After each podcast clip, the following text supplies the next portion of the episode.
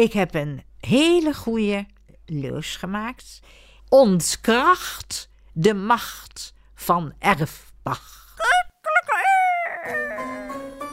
Hier is Hanengekraai door Luc Drosten met Elisabeth Bierens de Haan.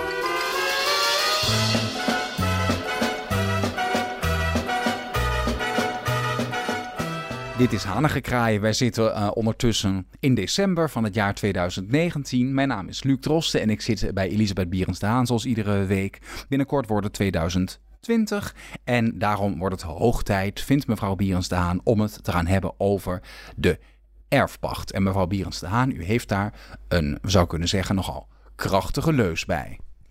Ik heb een hele goede leus gemaakt. Ontkracht de macht van erfpacht. Zo. Nou, we gaan er helemaal achter. Die zit, die zit zeker. En we gaan er nog helemaal achter komen wat daar precies de bedoeling van is.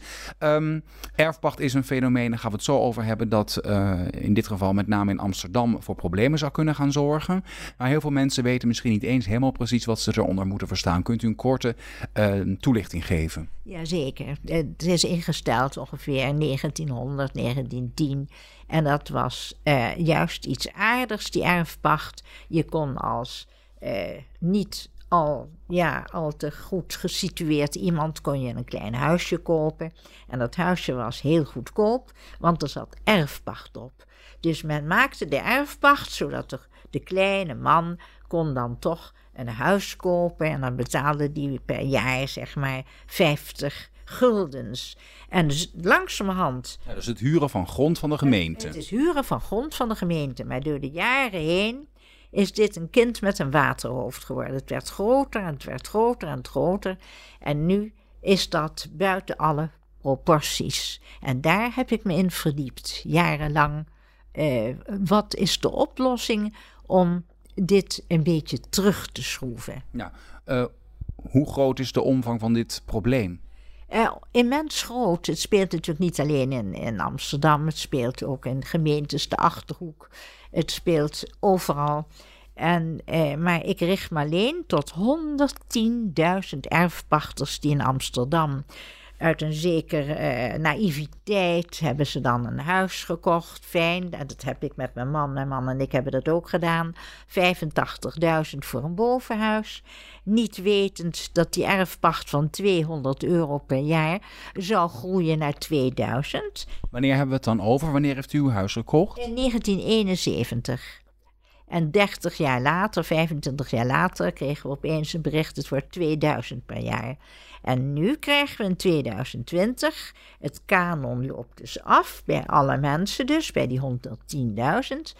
En dan kan het zo zijn, naar de berekeningen van die meneer waar ik het net over had, Van der Laan. Het kan zo zijn dat je dan opeens voor krankzinnige bedragen komt te staan per jaar. Men heeft al bedragen van in de duizenden. En daar is het punt, men heeft nu de erfpacht gekoppeld aan de boswaarde. Dus straks komt de boswaarde.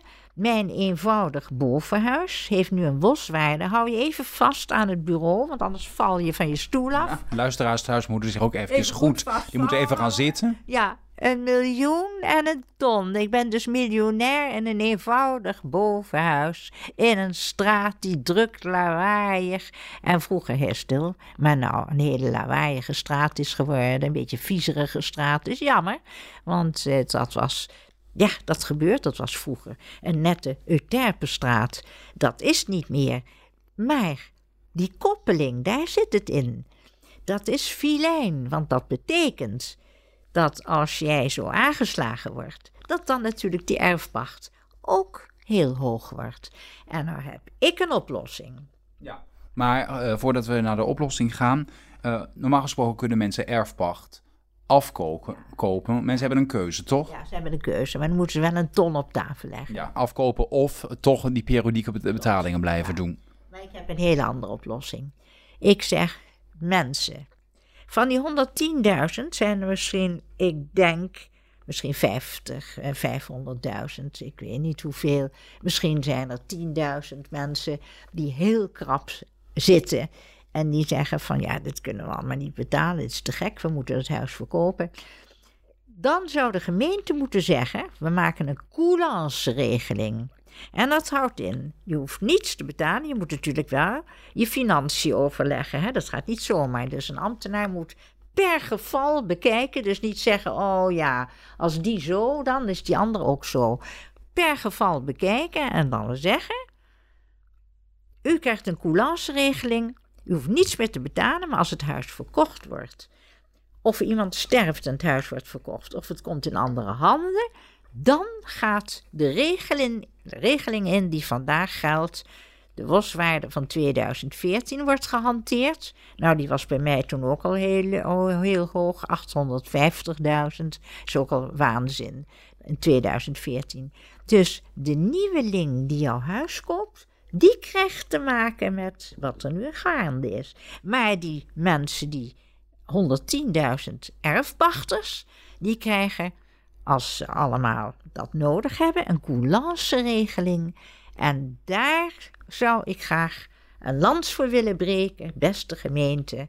Strijk over je hart en doe deze oplossing, want dat voorkomt kommer en kwel en angsten bij mensen. Mensen zijn ziek en ze voelen zich ellendig omdat ze weten er gaat iets heel naars gebeuren.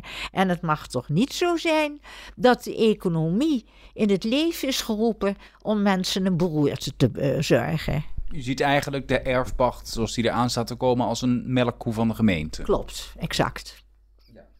Nou, en, en hoe groot acht u de kans dat men dit misschien gaat oppikken? Klein. Maar nooit geschoten is altijd mis. Ik schiet graag. En dan hoop ik dat ik, zoals op de kermis, een keer een teddybeer schiet. nou, ik hoop van harte met u mee. Uh, en wij hopen natuurlijk dat de gemeente luistert. En anders moeten we misschien uh, gaan protesteren voor de stopera. Daar gaan we de straat op. We hebben al geprotesteerd, hè? Ja, we hebben al actie gevoerd. Wat betekent dat concreet? Dat je met spanborden naar de stopera gaat. En dat er spookslieden zijn. En dat ieder. En let wel, mensen die heel financieel goed op de hoogte zijn. En ik spreek vanuit mijn emotie. En deze mensen spreken cijfermatig. Dus die kunnen aantonen van zoveel procent dit, zoveel procent dat. En dat hebben we dus gedaan. Het gevoelselement en het rekenelement hebben wij naar voren gebracht. Nou, het Wanneer was dat? Eh, dat was in de jaren 2016, 17. Ja, ik heb een dossier opgebouwd vanaf het begin 2012, dat dat begon met hogere tarieven. Ik dacht, ik ga alles verzamelen wat in kranten staat, tijdschriften. En daar heb ik nu natuurlijk profijt van, want nu kan je het helemaal herlezen van hé, hey, wacht eens even. En buurtbladen hebben enorm eh, geageerd ook van wat hier staat te gebeuren. Het heeft te maken met de grond van de Zuidas. Hoe verder ik kijk uit op de Zuidas, elke dag komt er een gebouw bij. Ik overdrijf hoor. Maar het is één groot, één heel groot uh, skyline van New York. En dat betekent dat die grond elke dag duurder en duurder en duurder en duurder wordt. En met deze maatregelen van de erfpacht, wat krijg je? Je jaagt de mensen weg uit de huizen. En, en daar komen dus uh, mensen in die je niet graag, dus uh, liever niet in deze panden wil hebben. Dit zijn gezinswoningen. En het moet niet zo zijn dat dit speculatieve uh, woningen worden, doordat de erfpacht te hoog is. Ja. Nou, dat is in ieder geval een heel duidelijk verhaal. En wie weet levert het nog wat op. Ook hoop doet leven, zou ik zeggen. en u bent in ieder geval een zeer optimistisch individu. Ik zou bijna willen zeggen optimist tot in de kist. Volgende week zijn we er weer. En dan gaan we weer een maatschappelijk thema aanboren. En dat gaat ook over ouderen en de problemen die oudere mensen soms ondervinden met administratie. En met het uh, misschien niet kunnen omgaan met internet of zelfs het geen internet hebben en daar toch uh, steeds meer van afhankelijk worden. Uh, heel kort even, heeft u daar zelf ook veel mee te maken? Ehm, ik zou ermee te maken hebben gehad als ik een werkster van de gemeente zou krijgen, een hulp. En dat heb ik dus niet gedaan, omdat ik eh, bijna flauw viel van de duizenden regels. Ik dacht, eh, dan moet ik een secretaresse in dienst nemen, dan ben ik duurder uit. Zie je? Om een hulp te krijgen moet je een secretaresse in dienst nemen. Nou, dat is niet de bedoeling, hè? Volgende week praten wij verder. Goed, prettig, Luc. Fijn. Wilt u reageren? Mail naar hanigekraai.amsterdammefm.nl en uw bericht komt terecht bij mevrouw Berends de Haan.